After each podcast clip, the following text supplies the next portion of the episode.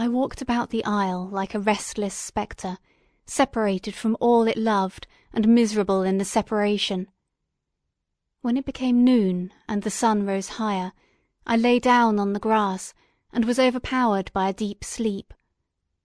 I had been awake the whole of the preceding night, my nerves were agitated, and my eyes inflamed by watching and misery.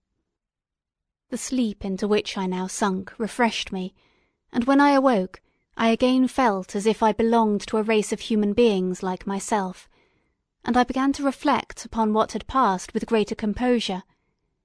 Yet the words of the fiend rung in my ears like a death knell; they appeared like a dream, yet distinct and oppressive as a reality. The sun had far descended, and I still sat on the shore, satisfying my appetite, which had become ravenous, with an oaten cake when I saw a fishing boat land close to me, and one of the men brought me a packet. It contained letters from Geneva, and one from Clerval entreating me to join him. He said that nearly a year had elapsed since we had quitted Switzerland, and France was yet unvisited. He entreated me, therefore, to leave my solitary isle, and meet him at Perth, in a week from that time, when we might arrange the plan of our future proceedings. This letter in a degree recalled me to life, and I determined to quit my island at the expiration of two days. Yet, before I departed, there was a task to perform, on which I shuddered to reflect. I must pack my chemical instruments, and for that purpose I must enter the room which had been the scene of my odious work, and I must handle those utensils, the sight of which was sickening to me.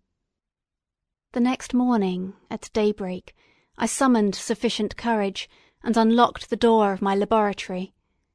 The remains of the half finished creature, whom I had destroyed, lay scattered on the floor, and I almost felt as if I had mangled the living flesh of a human being. I paused to collect myself, and then entered the chamber. With trembling hand I conveyed the instruments out of the room, but I reflected that I ought not to leave the relics of my work to excite the horror and suspicion of the peasants, and I accordingly put them into a basket with a great quantity of stones, and laying them up, determined to throw them into the sea that very night; and in the meantime I sat upon the beach, employed in cleaning and arranging my chemical apparatus. Nothing could be more complete than the alteration that had taken place in my feelings since the night of the appearance of the demon. I had before regarded my promise with a gloomy despair, as a thing that, with whatever consequences, must be fulfilled; but I now felt as if a film had been taken from before my eyes, and that I, for the first time, saw clearly. The idea of renewing my labours did not for one instant occur to me. The threat I had heard weighed on my thoughts but I did not reflect that a voluntary act of mine could avert it. I had resolved in my own mind that to create another like the fiend I had first made would be an act of the basest and most atrocious selfishness, and I banished from my mind every thought that could lead to a different conclusion. Between two and three in the morning the moon rose, and I then, putting my basket aboard a little skiff, sailed out about four miles from the shore. The scene was perfectly solitary; a few boats were returning towards land, but I sailed away from them. I felt as if I was about the commission of a dreadful crime, and avoided with shuddering anxiety any encounter with my fellow creatures. At one time the moon, which had before been clear, was suddenly overspread by a thick cloud, and I took advantage of the moment of darkness and cast my basket into the sea. I listened to the gurgling sound as it sank, and then sailed away from the spot. The sky became clouded, but the air was pure, although chilled by the north east breeze that was then rising. But it refreshed me, and filled me with such agreeable sensations that I resolved to prolong my stay on the water, and, fixing the rudder in a direct position, stretched myself at the bottom of the boat. Clouds hid the moon, everything was obscure, and I heard only the sound of the boat as its keel cut through the waves; the murmur lulled me, and in a short time I slept soundly. I do not know how long I remained in this situation, but when I awoke I found that the sun had already mounted considerably. The wind was high, and the waves continually threatened the safety of my little skiff.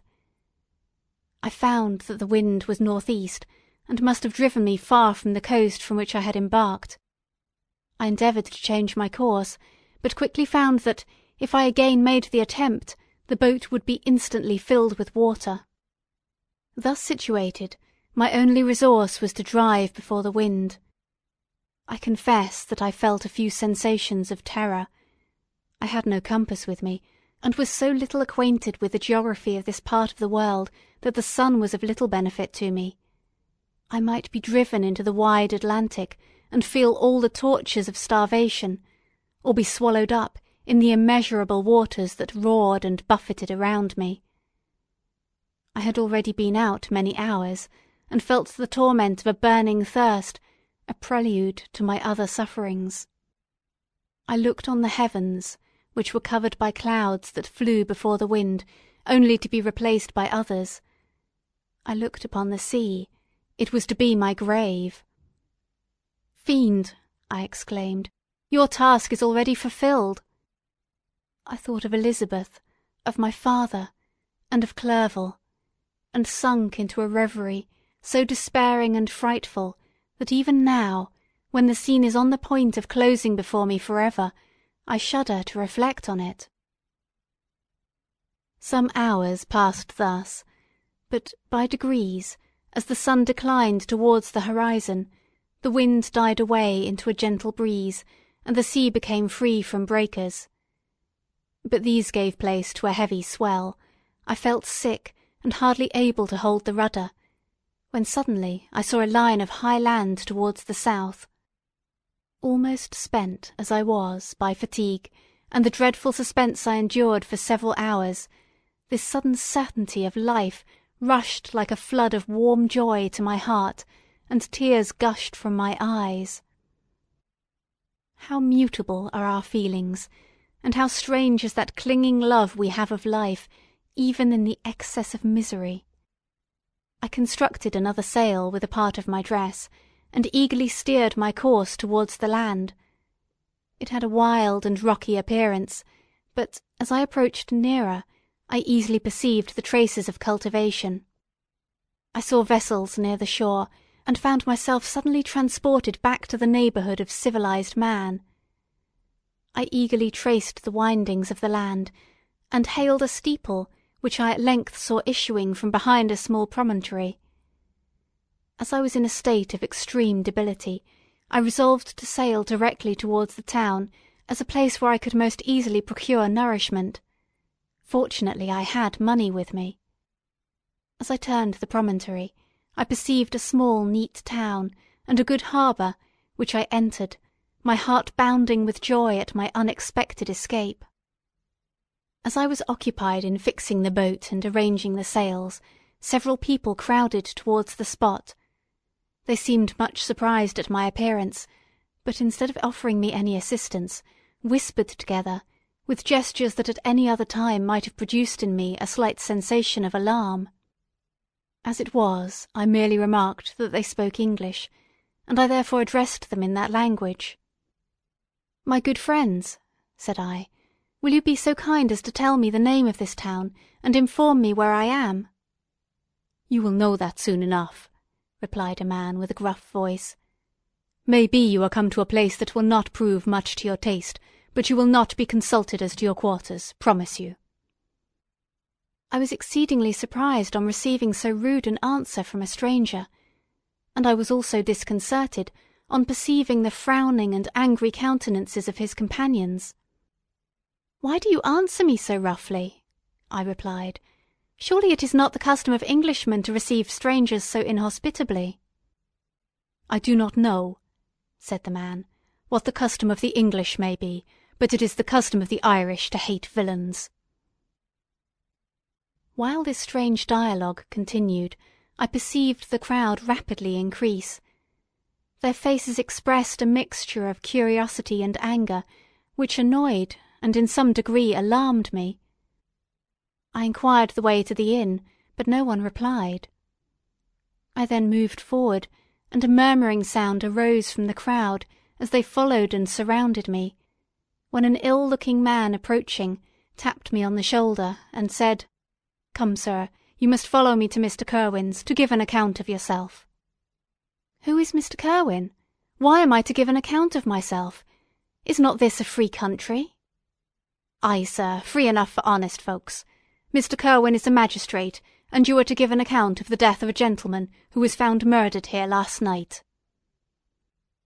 This answer startled me, but I presently recovered myself. I was innocent; that could easily be proved. Accordingly I followed my conductor in silence, and was led to one of the best houses in town. I was ready to sink from fatigue and hunger, but, being surrounded by a crowd, I thought it politic to rouse all my strength, that no physical debility might be construed into apprehension or conscious guilt. Little did I then expect the calamity that was in a few moments to overwhelm me, and extinguish in horror and despair all fear of ignominy or death. I must pause here, for it requires all my fortitude to recall the memory of the frightful events which I am about to relate, in proper detail, to my recollection.